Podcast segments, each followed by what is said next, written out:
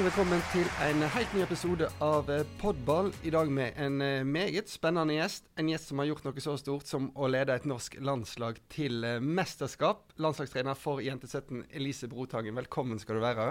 Tusen takk. Vi skal i dag snakke litt om karrieren din, trenerkarrieren din, og det du har gjort. Men jeg tenker vi må bare gå rett på saker aller først. For det er altså 3. mai. EM åpner dere mot, eh, mot, Spania. Hvordan er følelsen nå så kort tid før?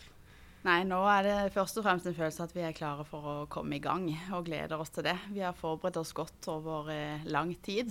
Eh, så jeg kjenner på stor motivasjon og at vi gleder oss veldig, veldig. Det er utrolig gøy å kunne stå her og skal inn i et mesterskap istedenfor det motsatte, at man ikke hadde hatt det å se frem til. Ja, for Hvordan er egentlig følelsen av å, å skal lede ja, Norge da, inn, i, inn i et, et EM-sluttspill? Nei, Det er jo stort. Samtidig så er det jo litt som man går litt inn i sånn sin egen boble med det laget og det støtteapparatet man har og de oppgavene man har, og det tror jeg på mange måter er sunt. Men så er det òg veldig fint man får noen påminnelser innimellom, særlig kanskje litt utenfra, om at, uh, at det her er stort å skulle gjøre det. Og det er òg litt godt å av og til kunne sette seg ned og kjenne litt og tygge litt på den. Så jeg er absolutt stolt over, stolt over det. Stolt over teamet og stolt over spillerne. Og så var det sånn at Dere vant en eliterunde som tok dere til eh, mesterskapet nå. En, eh, ja, en dramatisk eliterunde der eh, dere slo Sverige i siste kampen 2-0. Prøv å ta oss gjennom de følelsene som går gjennom kroppen når, når det avgjøres der og dere faktisk er klare for et mesterskap. Nei, det er selvfølgelig nerve, nervepirrende. For vi visste jo at eh, altså, vi følte vi hadde veldig god kontroll på kampen. Eh, vi leda 2-0, men vi visste òg at vi kan ikke slippe inn noe andre veien. Eh, men allikevel så syns jeg at vi fullfører kampen på en måte som at det er vi som i større grad jager det tredje målet, enn at Sverige får sitt eh, første. Så jeg tror at denne inngangen var lur. Eh, også selv om det på en måte blir spennende på slutten, uansett når det er sånne kamper og man vet man er avhengig av et resultat, så er det klart at, eh, at det, det, blir utrolig nervepirrende inn mot slutt. Eh, men eh, den følelsen når du ser at dommeren er på vei til å ta fløyta mot munnen, den er ganske enorm. Og du skjønner at jøss, det her går faktisk.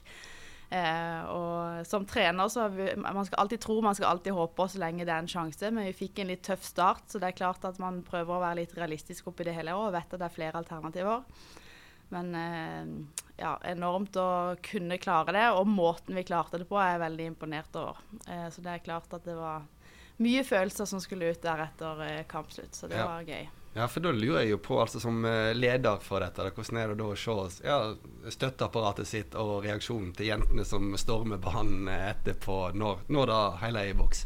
Nei, Det blir jo nesten litt sånn surrealistisk. For etter du har jobba så lenge mot akkurat dette her, og så tar det faktisk litt tid før det synker inn.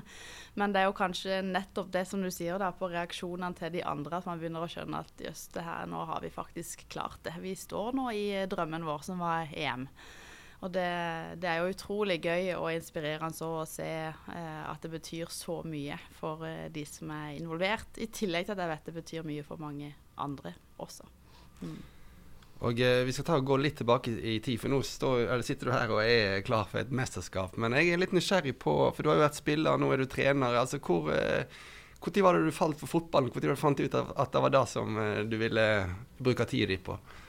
Jeg tror akkurat inngangen til fotball var vel kanskje ikke sånn eh, Altså, jeg har en pappa som eh, spilte i Eliteserien for Start, og som var trener i eh, i moderklubben min. Eh, en bror som begynte å spille fotball. Eh, og på den øya som jeg kommer ifra, så var det for så vidt kun fotball som var aktiviteten, eller som var idretten vi kunne drive med. Så inngangen var på en måte ikke valgfri på et vis. Det var veldig naturlig at jeg skulle inn dit. Når det skal sies, så, så har det aldri vært snakk om noe annet. Så det, det, var på en måte Ja, jeg klarer liksom ikke å se noe sånn begynnelse eller slutt. Det har på en måte vært livet mitt hele tida og aldri vært noe alternativ at det ikke skal være det. Ja, Du har jo har en spillerkarriere bak deg. Og så har vi fått inn et lytterspørsmål her fra Emma Mansika, som, som lurer på når var det du valgte at du skulle bli trener? Det er et godt spørsmål. Så jeg var nok eh, Jeg har jo en sånn historie derfra jeg var ganske liten, så jeg har nok kanskje Før jeg egentlig skjønte det sjøl, så tror jeg jo at det lå noe i meg. Jeg fulgte veldig tett det her laget som uh, faren min trente da når jeg var en sånn ja, fra 10 til 15 uh, eh, år. Litt uvanlig for en jente på den alderen. Jeg var med på stort sett alt av treninger og kamper og sånn. og da jeg skulle rydde på loftet for noen år siden, så fant jeg jo notatbok da, fra jeg var 14 år gammel, der jeg da hadde lagd børs på spillerne og, og skrevet eh, referat fra kampene fra første omgang, andre omgang osv. fra de kampene der. Så jeg har nok, i tillegg til å spille sjøl, alltid vært interessert i å se på og se hva andre gjør, og på prestasjoner og litt sånn, da. Så, så, det har nok vært en interesse som har vært vekka der. Eh, men så har jeg vært uheldig som spiller òg. Eh, har hatt mye skader. Eh, så det var vel egentlig når jeg var i, i Sarpsborg 08 og egentlig skulle spille der, det ble det lite av, så eh, merka nok treneren der at jeg var litt over middels interessert i fotballfaget. Så når jeg da fikk en langtidsskade, så ble jeg spurt om å bidra rundt junior- og A-laget der. Um, så det var vel egentlig der det starta sånn for fullt. da, At jeg skjønte at ok, dette det går an å drive med fotball uten å spille sjøl òg. Og det syns jeg var veldig veldig givende for ei som egentlig hadde lyst til å spille lenger enn det jeg fikk gjort. Men det er veldig interessant at du sier at du allerede i en så tidlig alder som du beskriver, begynte å interessere deg for spillet på ja, at du begynner i litt mer enn bare det spillerperspektivet? Ja, det var jo det. Så jeg husker det godt. Det var liksom uh, ut og se på på øktene til det som da var andredivisjonslaget til Fløy. Og så var det i hver pause så var det ut og drive på sjøl og skyte litt og sånn. Og så var det å sette seg ned og så kikke på igjen. Så det ble en del timer. Og så var det jo gjerne en økt sjøl og kanskje to. Og, så det var mange timer uh, ute på banen der. Men det var todelt. Og jeg husker veldig godt det når jeg skulle opp og spille i Fikk tilbud av Don, da, som var i førstedivisjon da. i i Kristiansand, så var det første jeg måtte sjekke når jeg meldte overgang dit, det var jo De spilte jo kamper i helgene. Det var jo krise for min del, for det gjorde Fløy òg. så det var hvor mange kamper går jeg glipp av med Fløy nå som jeg skal spille sjøl i helga. Ja. Så det har, eh, det har, virkelig alltid vært en todelt interesse selv, men det har tatt litt tid for meg kanskje å se det sjøl, sånn ja. i etterkant. da. Mm. Ja, det er ikke alle som kombinerer trener og spiller i den alderen. Men du har jo allerede vært inne på far din, og sånt, så da sier seg litt etter neste spørsmål. Jeg tipper han kom inn der. Men hvem har vært rollemodellene dine opp gjennom årene? Nei, det er jo klart at jeg har jo altså mer eller mindre ubevisst på et vis, så har jo pappa alltid vært der og vært trener, og, altså både spiller og trener, og vært en naturlig del av det. og en som jeg derfor har sett at det er mulig å gå den veien òg. Så man ser jo mm. noen muligheter med en gang. Um, men så er det jo litt artig, for det har jo, jeg blitt spurt om dette før, for en del år siden. Da svarte jeg jo eh, Hege Riise ja. at hun har vært med, eh, med å inspirere meg, og hun er jo her nå. Så det er jo òg fantastisk å kunne få jobbe så tett på noen som har inspirert meg såpass. Uh, og så har jeg jo fått uh, vært heldig der du òg var med, med Polarne Johansen, uh, mm. som på en måte i de seinere årene og etter jeg fikk en inngang på landslag da, for en del år siden, så, så, har jo han inspirert meg veldig mye. Eh, og så tror jeg jo sånn samtidig så er det Det er å plukke ut noen, men det er fryktelig mange, altså. For jeg tror at eh, uansett hvem jeg har vært heldig og fått, fått et uh, glimt av her eller der, så har jeg tatt med meg noe. Eh, og noe finner du ut at dette syns jeg er bra, dette vil jeg forme til mitt. Og noen ganger så finner du ut at nei, sånn vil jeg ikke gjøre det, jeg vil gjøre det sånn. Så jeg tror jo veldig på det å gå inn med et åpent sinn og hente inspirasjon fra mange ulike, da. Men det er i hvert fall noen da, for å trekke mm. frem. Mm. Og Da er neste spørsmål interessant, for som vi òg har fått, fått, inn fra en eh, som følger oss på landslagsskolen, som jeg tror du kjenner, Steinar Green. Han har spurt hvordan vil du beskrive deg sjøl som leder nå? ja, si det. Det blir jo spennende å høre da, om det stemmer overens med det han ja. syns, så har han i teamet mitt. Nei, altså jeg liker jo veldig å ha en, eh, en eh, positiv inngang eh, til det meste. Eh, det å prøve å bruke energi på det man får eh, gjort noe med. Eh, samtidig så, så, er jeg jo veldig opptatt av at, at både spillere og teamet mitt må bli hørt. så det å involvere der det er riktig, og finne en god balanse på det, det er jeg veldig opptatt av. Og så tror jeg jo det som står helt sentralt hos meg som leder, er jo rela relasjonen. Altså at den må være god. Så på en måte kultur og relasjon og det å skape en tydelig retning for hvor vi skal, det er nok eh, det viktigste. Da mener Hvis det er på plass, så ligger alt veldig mye bedre til rette for at vi skal kunne prestere og få de resultatene vi vil òg. Er dette ting du, du, har tatt til deg gjennom disse oppgavene du har beskrevet nå? Eh, altså de erfaringene du har i forskjellige team, og sånn, så er det altså ting du har tatt til deg og sagt, tenkt at å, dette vil jeg òg videredyrke, eller, eller, er det en filosofi som du uh, ja, har kommet frem til sjøl, for å si det på den måten? Jeg tror nok det er en god kombinasjon. Men jeg har jo en utdannelse som gjør innen coaching og idrettspsykologi, der, der jeg har når jeg gikk inn i det studiet, så tok jeg det først og fremst fordi jeg visste at gjennom den bacheloren så får jeg UFAB-trenerlisens. Men så var det jo en, del den, en stor del av den bacheloren handla om coaching og idrettspsykologi, som jeg ble veldig bitt av den basillen med en gang og syntes det var utrolig spennende å se på det her med Særlig hvordan man jobber med både grupper og individ. Eh, så mye er jo derifra. Så har jeg lest uh, mye og hørt mye og gravd uh, mye, som har gjort at jeg på en måte har lagd meg min egen liten rekkefølge på at når jeg tar over en ny gruppe, hva, hvordan er det jeg helst ønsker å gjøre det. Eh, og så er det en litt spesiell setting da med landslag, for du har kort tid. Så du må virkelig prioritere. Og det tror jeg er litt sunt å få kjenne på. At du kan ikke gå inn for å bli godt kjent med 20 stykker på første samling. Du må, du må, prioritere litt, og det er litt sunt å få kjenne på hva er det da som blir aller viktigst. Så det har vært eh, veldig lærerikt. Mm. Og Vi må snakke mer om dette med mental trening. og sånt. For Som du sier, du har en utdanning, du har en master i idrettspsykologi. Og eh, du, når du var med Paco, som du nevnte, så hadde du en rolle der som en slags mental trener inn mot det som da var G19 og U20 blei til slutt. Mm. Eh, Fortell litt om den, den rolla du hadde der, og, og hva arbeidsoppgavene bestod av der. Ja, så Det var jo, hva skal jeg si, det som er litt interessant med den, er jo at eh, på papiret så sto det jo mentaltrener når vi skulle levere det inn til Uefa og sånn. Mens eh, internt hos oss så tror jeg aldri jeg ble kalt mentaltrener inn mot spillerne. Det ble på en måte mer at eh, det jeg hadde hovedfokus på, var egentlig effektiv læring. Og jeg hadde en fotballinngang. Altså jeg var fotballtrener med fokus på det mentale. Eh, så jeg var jo en del av trenerteamet, men skulle selvfølgelig alltid være tilgjengelig for spilleren. spillerne. Det var jo et av hovedprinsippene mine, uansett hva det skulle være.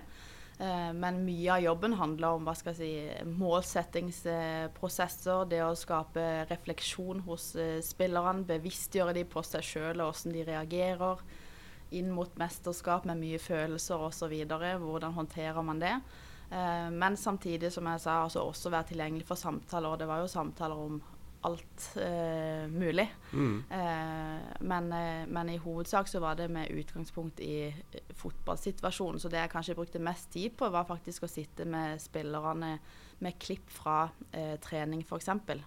Eh, der de skulle reflektere og få mer ut av hver økt, har liksom vært en sånn inngang for min del. Hvordan få mer ut av hver økt.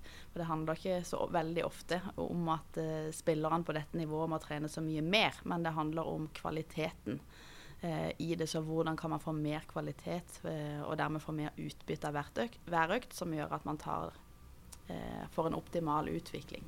Mm. Og enkelte av spillerne i denne gruppa er jo, det er jo spillere som i dag er med og preger på A-landslaget. Vi har Jens Petter Hauge, Leo Skiri Østigård, Erling Breit Haaland. Hvordan følte du at spillerne eh, mottok denne typen eh, input og, og, læring? nå?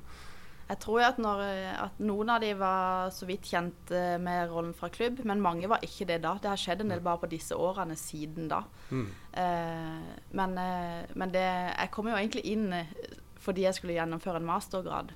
Eh, så grunnen til at jeg ble med videre, var jo fordi det var et reelt behov. Fordi at jeg ble oppsøkt. Ja. Eh, og så varierte det veldig. Eh, noen ble det mye kontakt med, og noen mindre. Og det var jo en sånn eh, inngang fra både eh, Paco, som er hovedtrener, og, og meg, at veldig mye her skulle, være, det skulle komme fra spillerne sjøl. Eh, og så skulle vi selvfølgelig være litt smarte, for noen ganger så ser man noen som har et behov som kanskje ikke helt enten ikke skjønner det sjøl eller ikke helt tør. Og da handler det om å finne noen sånne innganger her og der for å gi de muligheten til å faktisk ta tak i det. Eh, så, så, men det er jo utrolig gøy selvfølgelig å være med òg, altså fra et jeg si, litt sånn egoistisk perspektiv og kunne se å være en sånn liten del av utviklinga til noen av de spillerne. Og, og, ikke minst kunne observere og se og lære eh, disse spillerne som er på dette nivået. Hva er det de har? Altså Hva er det som kjennetegner de? Og da tenker jeg at Det er jo interessant uh, både i seg sjøl, men òg i arbeid med andre spillere som ønsker å nå disse målene. Det å ha noen referanser når vi ser hvor langt en del av de allerede har kommet. Ja, vi må jo si at noen av de her har kommet ganske langt. ja. Men da er neste spørsmål litt, altså hvordan dette arbeidet her, nå som, nå som, du har hovedansvaret, hvordan tar du med deg dette arbeidet inn i, i den rolla? Det er alltid sånn interessant, for jeg tror det er veldig viktig å skille på roller òg. Og for meg så er det veldig viktig å være bevisst på at som hovedtrener så, så er det meg som tar ut et lag. og påvirker litt andre prosesser enn det jeg ville gjort i en hvis man skal kalle det mentaltrenerrolle. da. Um, sånn at den er litt viktig å være bevisst på sjøl. Samtidig så er jeg uh, veldig bevisst på måten uh, Hva skal jeg si Kommunikasjonen særlig. Uh, og litt sånn som jeg sa, dette her med det større bildet med målsettingsprosesser og hvordan, hvilken kultur vi ønsker oss å bygge.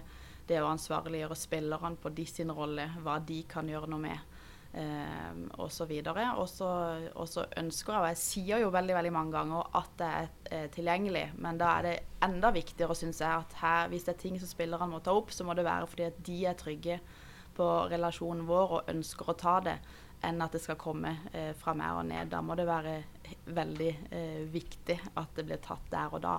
Og det er det noen ganger. Ja. Eh, men, eh, men, jeg har, har med, absolutt med meg masse. Og det er jo en av de delene ved, ved fotballspill som jeg syns er interessant, er at alt henger sammen. Ja. Og at jeg vet at det at hun går utpå der og gjør en strålende takling foran mål, det har sammenheng med noen mekanismer i, i, hodet. Og på samme måte, hvis noen ikke presterer optimalt, så er det som regel mer som ligger bak enn at du er litt sliten i beina, f.eks. Og det syns jeg er veldig spennende å jobbe med. Mm. Og Dette er jo et tema som mange tydeligvis syns er spennende, for vi har fått inn en del spørsmål om det som går på mental trening og sånt. Og vi har fått et fra Frida Hebnes som spør hvem kan man egentlig snakke med om man sliter litt med det mentale i uh, fotballen. Har du noen gode tips der? Jeg tror jo at uh, det, det, er sånn vanskelig å svare på siden man ikke vet uh, hvilket miljø hver og en er en del av. Men det første jeg vil si er jo at jeg tror de aller fleste har noen i sitt miljø som de eh, kan prate med. Så det er liksom litt å identifisere hvem er det man faktisk kan ha en samtale med. Eh, og på det mentale så kan det plutselig så kan det være Jeg vet veldig mange fotballspillere lærer jo av hverandre. Så har du en lagvenninne du vet du kan prate med, så kan det være et sånt første steg. Har du en trener, har du en forelder, kanskje har du en helsesykepleier på skolen, holdt jeg på å si. Altså, tenk litt hvem er det du har hos deg som du kan prate med, så tror jeg det vil, vil kunne hjelpe mye. For ofte så er mye gjort bare ved at du tør å si eh, det som er utfordringa, og kanskje hører at OK, det her er ganske normalt, det. Det her er det flere som tenker på. Eh, så, så, kan mye være tatt av skuldrene bare da. Eh, så det er viktig. Og så syns jeg òg det er viktig det her med å kjenne seg sjøl. Eh, der har i hvert fall jeg gått gjennom en eh, lang prosess. Det å forstå litt ok, hvordan reagerer jeg på de ulike Når jeg opplever litt stress, f.eks. Eh, hva, hva, gjør jeg hvis jeg gjør en feil i kamp? Hvordan reagerer jeg neste gang? Hvis man begynner å reflektere litt over hvorfor man gjør eh, som man gjør, og hvorfor man reagerer som man gjør, så kan man faktisk hjelpe seg sjøl en del òg. Eh, så jeg tenker Det er jo på en måte to ting som er sånn veldig aktuelt og nært. Og så er det selvfølgelig det er jo mentaltrenere der ute som kan hjelpe, og idrettspsykologer osv eh, som, eh, som, kan bistå. Så det er jo et, eh, absolutt et uh, alternativ. Men det er òg en del man kan gjøre sjøl. Det spørs litt på graden av utfordringer man har, da. Mm. Vi har jo fått et spørsmål om eh, hvordan forbereder man seg mentalt best til kamp? ja, det tror jeg òg er fryktelig individuelt. Og det vet jeg, og det gjorde jeg jo med denne gjengen med, med, med gutter inn mot EM og VM så hadde vi en gjennomgang av dette med hver enkelt. altså Hva er det de trenger? Når er det f.eks. man begynner å tenke på kampen? Det er veldig ulikt. altså Noen begynner jo fra forrige kamp, så er de rett på neste og begynner der. Eh, noen begynner dagen før. Noen vil ikke tenke på det før de er på stadion og skal ut på banen. Så dette her er utrolig ulikt. Eh, så det viktigste er jo at man må kjenne litt på sjøl hva det er man har eh, behov for. Eh, og så tror jo jeg da at sånn generelt så tror jeg at det kan være en ulempe å begynne for tidlig å tenke på kampen, for da kan man ofte bruke mye energi før kampen egentlig har begynt. Mm. Eh, og så tror jeg at sånn generelt tips er jo eh, For veldig mange så vil det være viktig at hvis man skal se for seg noen bilder, så se for deg gode bilder. Tenk på styrkene dine. Eh, men vær òg bevisst på at eh, man gjør feil, og det er en naturlig del av fotballspill, og det skjer på alle nivåer. Så det er sånn to sånne tips som er viktig å ta med seg. For det er kanskje det flest sliter med, er jo akkurat det at når man gjør feil, så kommer det ofte en feil til etterpå. Ja. Eh, og det, det, er kanskje den vanligste tingen som, man, man, ja, som blir tatt opp, da. Men det er jo fascinerende, som du sier. For jeg, jeg selv jobber jo tett på landslagsmiljøet, og du observerer typer som allerede på frokosten på kampdag er i bobla, og du får nesten ikke kontakt, og de har en tur de skal gå klokka ett mm. alene, for det er en del av uh, rutinene deres. Og litt sånn, og så har du den typen som går ut og sjekker banen etter å ha kommet til stadionet, så inn i garderoben, ser litt på mobilen, og så plutselig, rett før, så er de i bobla der. Så det er jo fascinerende hvor forskjellig hodet til folk virker, da. Ja, og det, det, det, og det, er jo viktig å være bevisst på, da. At det er ikke sånn at hvis du hører at uh, at eh, Graham Hansen gjør det sånn, så betyr ikke det at eh, du skal gjøre det sånn. Selv om eh, det går an å hente inspirasjon. Men det er noe annet enn at det er det samme som funker for alle. så det eneste jeg har vært opptatt av, sånn som når jeg hadde denne gjennomgangen med spillerne, det er jo at i forberedelsene gjør ting som du sjøl har kontroll på. Sånn at hvis man f.eks. er veldig avhengig av at det skal se sånn og sånn ut i en garderobe, eller at du må ha den og den drikken med deg, og så plutselig er ikke den der, og så kan det ødelegge. Altså velg ting som du vet du har kontroll på i forberedelsene. da. Ja. Mm. Vi har et spørsmål til her, og det er jo faktisk noe som sikkert gjelder veldig mange allerede for aldersbestemt og helt opp på A-landslagsnivå. Det er at eh, eh, dersom du er tatt ut på ei samling, men ikke blir tatt ut til neste, hvordan jobbe mentalt med det. Ja, den er veldig aktuell. og det, ja. sånn, eh, det, var en ting som jeg brukte litt tid på når jeg tok over eh, første Jenter 15. For jeg opplevde jo det at altså, i vårt hode, og det er veldig viktig for fremfor oss som landslagstrenere, så, så, så er det er ikke så avgjørende i det hele tatt. For det finnes så mange ulike veier opp til eh, toppen, for å kalle det det. Så hvis du ser på de som er på A-landslagene nå, så er det mange som har vært innom U-landslag, men det er absolutt ikke alle som har vært med på alle samlinger hele tida. Sånn at utviklinga er så utrolig ulik. Eh, og det kan òg være flere grunner til at man ønsker å se noen andre akkurat da. Og når man er ung, så er det òg veldig veldig naturlig at eh, det går litt i rykk og napp. Eh, både pga. pubertet og eh, utvikling og mentale prosesser og fysiske prosesser. Så det er så mange ting som spiller inn. Og det er jo kanskje det viktigste å, å prøve å få forklart eh, spillerne, selv om jeg skjønner at alle har lyst til å være med. Eh, så er det, er det, veldig veldig viktig at man må ha det i fokus. Altså. At det, det finnes så mange ulike veier opp dit. Eh, og det vi ser mest på, det er jo én ting er at nå er du dessverre ikke tatt ut, men hvordan er responsen i hverdagen da? Jobber du med de tingene som vi har eh, prata om? Tenker du altså, Litt enkelt sagt, gir du litt opp? Altså, blir det dårligere kvalitet på hverdagen, eller klarer du å ta tak og fy søren, nå skal jeg steppe opp? Og Det er veldig interessant for oss. og det er en ting Når jeg alltid sjekker med de som er enten i klubb eller krets etterpå, da, så hører jeg alltid om det. Hvordan har responsen vært i etterkant? Og Det tenker jeg kanskje er det viktigste man kan ta med seg. For til syvende og sist så er det hver enkelt spiller som først og fremst avgjør hvor langt eh, man klarer å nå. Eh, men uansett hvor mye man får ut av sitt eget potensial. Så hvis man går hjem eh, et, og hvis man ikke blir tatt ut og jobber dårligere, så vil det gå utover deg sjøl. Hvis du går hjem og jobber bedre, så eh, går det òg utover deg sjøl i positiv retning. Så pass på at eh, hver enkelt gjør det de kan for å nå målene sine, hvis det er det som er målet. Så tipset blir egentlig å, å bruke nedturen til motivasjon til ja. Eh, hardt arbeid. Ja, og det er lov, veldig lov til å være skuffa. Det er ja. viktig å få frem. Det, det, er helt naturlig, og det blir vi når ting betyr mye for oss. Og så eh, handler det om å respondere, eh, respondere bra eh, ut, utover det. Eh, og jobbe med kvalitet i hverdagen. Og huske på at landslag er bonus. Det er det man gjør i hverdagen over tid som er det aller viktigste hvis man skal se hvor man havner på sikt. Veldig godt tips å ta med seg der, altså. Vi skal uh, gå litt over på Det er et spørsmål jeg pleier å stille gjester. Uh, du har jo beskrevet følelsen av når jentene sprang ut på banen og støtteapparatet ditt jubla og sånt når dere gikk til EM. Men hva er egentlig din, din beste fotballopplevelse? Hva er det sterkeste fotballminnet som du, du, sitter med i dag? Altså, når du spør meg om det, så er det sånn at jeg sliter med å plukke ett. og da tenkte jeg litt sånn Som spiller, da så jeg syns det er litt morsomt. For nå, ikke, nå spilte jeg litt, uh, litt i førstedivisjon og litt i toppserien og sånn, og var med på et opprykk der. Det var stort, men jeg var så ung, så jeg tror liksom ikke at jeg skjønte helt uh, den. Så det som absolutt står sterkest, det er på en måte cupopplevelsene fra jeg var liten og spilte i Fløy. Ja. Eh, og det handler jo om flere ting, men det er jo altså den, der, det, den stemninga, det samholdet, det å prestere sammen, mestre sammen og være sammen døgnet rundt med den eh, i den situasjonen, da, det er det som står eh, fantastisk eh, gøy. Så det er jo de fotballminnene som spiller, som, som står sterkest nå. Ja. Det er det. Um, og så har jeg et som supporter. Og Og, det, det er jo Og det, det er ikke så lenge siden heller, men min bro, broren min spilte for Kongsvinger. Og så skulle de Så hadde de eh, De var nyopprykka i første divisjon fra andre, og så hadde de kommet seg til semifinale i cupen.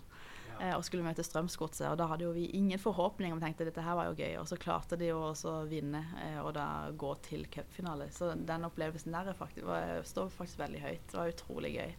Ja, da skjønner jeg godt. Den kampen husker jeg. Det, Eh, Ja, det det. Jeg kan skjønne at som supporter der, så var det sterkt, altså. Ja, det var gøy. Mm. Eh, og så har du jo det som, som trener, som selvfølgelig er veldig vanskelig å komme ut, utenom opplevelsen vi hadde nå, med å gå til EM. Eh, og så hadde vi gjort opprykk med fart, eh, som var veldig stort. Eh, jobba, jobba hardt og lenge og fikk til det. Eh, Rykka opp til, til toppserien. Ja, Du må si litt om den følelsen der nå. For da, har ikke vi nevnt at du tok de opp til toppserien. Ja, altså vi var flere om det, da. Ja. Men, eh, men det, var, det var utrolig gøy, altså. Da, det var jo bare én sesong som jeg ble der Mm. før jeg kom eh, hit. Eh, Men fantastisk gjeng, fantastisk eh, kultur i eh, klubben. En liten plass utenfor på landet utenfor Hamar. Eh, og, og det òg var sånn ja, sånn surrealistisk, der du på en måte har jobba lenge for noe, eh, og med en fantastisk gjeng, da. Så når man da endelig får det til, så ble det òg Det ble noen tårer. så det var utro, utrolig gøy, altså. Um, men eh, det er jo på en måte noen sånne store opplevelser. Og så er det litt sånn som jeg har vært inne på da, at det som gir meg aller mest som trener, trener det er på en måte menneskene og, og relasjonen. da. Så det er alle de små dryppene, og det å som sagt kunne få lov til å følge noen av de her eh, talentfulle spillerne en lit, et lite stykke på veien, og se at de mestrer og utvikler seg, håndterer noen utfordringer og tar steg. og Eh, og den delen, det, det, er, det er det som er det gøyeste, altså. Ja, det er det som gir mest, meg mest, i hvert fall. Mm. Det er litt interessant, for som du har vært inne på, du har jo bare spilleren en kort periode, Mm. og så må du slippe dem videre. Hvordan er den følelsen når du har bygd opp disse relasjonene og disse forholdene? Nei, det skal jeg innrømme at jeg er veldig blanda. Og det er kan, kanskje noe av det jeg syns er vanskeligst på et vis, eller mest utfordrende som landslagstrener. For det er en fantastisk jobb på så mange måter, og jeg føler meg så heldig som får får være i den rollen. Eh, og samtidig så vil du, altså sånn som jeg er lagd da, så vil jeg jo på en måte egentlig bare være enda tettere på, ikke sant. Også, eh, og gjerne følge de lenger. Så det er, det er jo Du blir kjent, men du, blir ikke, du får ikke gått så i dybden som det man gjør f.eks. i en klubb hver dag. Nei. Så det er jo ulike roller. Men eh, allikevel, da, så, for, så når du har vært der en stund, så er det så, det er så intenst når man først er sammen. Eh, så, så man blir ganske godt kjent til slutt. Eh, og det, det gir mye. Så er det li- alltid litt vanskelig å gi slipp, holdt jeg på å si. Men eh, det skal det være òg, tenker jeg. Det, Ja. Det er en viktig del av det for min del. Ja. Mm. Og nå har du jo snart muligheten til å knytte enda sterkere bånd til den gruppa du har nå, og oppleve store ting med dem. Vi må snakke litt om, eh, om EM og det som eh, kommer. for dere skal møte Spania, Frankrike og Finland. Det, altså sånn På papiret så høres det tøft ut. Eh, hvordan er din eh, vurdering av, eh, av de matchene der? Nei, jeg tror jo vi har eh, Det er på en måte ikke noe hemmelighet at det er Frankrike og Spania som er favoritter i vår eh, gruppe. Eh, men vi, vi er tøffe, og vi har prestert bra. Eh, og vi vet at vi har et godt grunnspill. Og vi vet at vi er gode til å vurdere hva motstander kommer med. Um, og hvis man ser på statistikken over alle kvalikene som er spilt nå, både i, i vår og i høst, så er det, det er vi som har skapt mest, det er vi som har skåret mest. Så vi vet at vi har mye å komme med i den enden av banen. Og så tror jeg det viktigste for oss blir også å klare å demme opp for at vi nå møter eh, sterkere lag offensivt. Eh, eh, sånn at vi må, vi må legge en god plan andre veien. Mm. Men vi, det passer oss godt å være i en utfordrerposisjon. Det var vi i kvaliken nå. Det var Sverige som, var, eh, som kom inn som eh, sida som nummer én. Eh, vi tapte 5-1 mot Sverige i høst, eh, mot samme laget. Eh, det passer oss godt eh, å kunne være i den posisjonen. Og så syns jeg det er deilig, for nå, det trange snåløyet, det, det er vi gjennom allerede. Vi er i, i, i EM, og herifra så er på en måte eh, Her kan vi bare Er bare å kjøre på. Alt som skjer herifra ut er på en måte positivt. Så vi skal gå inn med masse masse selvtillit etter det vi har vært med på eh, nå. Og så har vi en gjeng som er, det er utrolig sterkt samhold og en eh, sånn råskap og en aldri gi opp-vilje eh, som er ekstrem. Eh, så, og med det teamet vi har rundt oss, så tror jeg at det, det blir en utrolig gøy opplevelse. Eh, og så er det, altså det, Du har Nederland og Tyskland i den andre gruppa. Så du har egentlig to, de fire forhåndsfavorittene eh, fordelt. Eh, og så har vi oss og et par andre som selvfølgelig skal gjøre alt vi, vi kan for å bevise at dette er fullt mulig. Og det er det. Ja, og når du ser på den, disse store fotballnasjonene som du nevner, så er det mm. bare et tegn på at uh, en har gjort noe riktig når en får lov til å være med i, i dette ja, selskapet. Ja, og det, det, jo det som er det viktigste. Altså, hvis ikke det hadde vært tøffe motstandere, så hadde det jo vært uh, altså, Det ja. er jo noe av poenget. At det er tøffe motstandere. Det er det uansett når man kommer til et mesterskap. Det skal det være. Og det er jo noe av det kule med utfordringer òg. Uh, og så er det som sagt viktig å huske å minne oss sjøl på at vi vi òg er her av annen grunn. og ja. vi er tøffe. Vi har klart dette. så all grunn til å gå inn med, med selvtillit og være offensiv i hodet fra start. Og så er det et sånt element at dere har muligheten til å kvalifisere dere til VM gjennom dette mesterskapet. Mm. Kan du forklare litt hvordan, hvordan det fungerer? Ja, for det, altså det som er på, på jenter 17-EM, da, så er det jo kun åtte lag som er inne. Altså det er syv lag som kvalifiserer seg, og så er det vertsnasjonen som er Bosnia-Hercegovina. Eh, så det er to grupper fire lag i hver, og så går eh, de to beste i hver gruppe videre. Så da går man jo rett til semifinale, siden det er såpass få lag med. Mm. Og videre derifra så vil det jo da være én finale, og da vil de to automatisk være kvalifisert for VM. Og så blir det en bronsefinale som avgjør den siste plassen. Så det er tre av de åtte da som går til VM, som er i India i høst. Ja.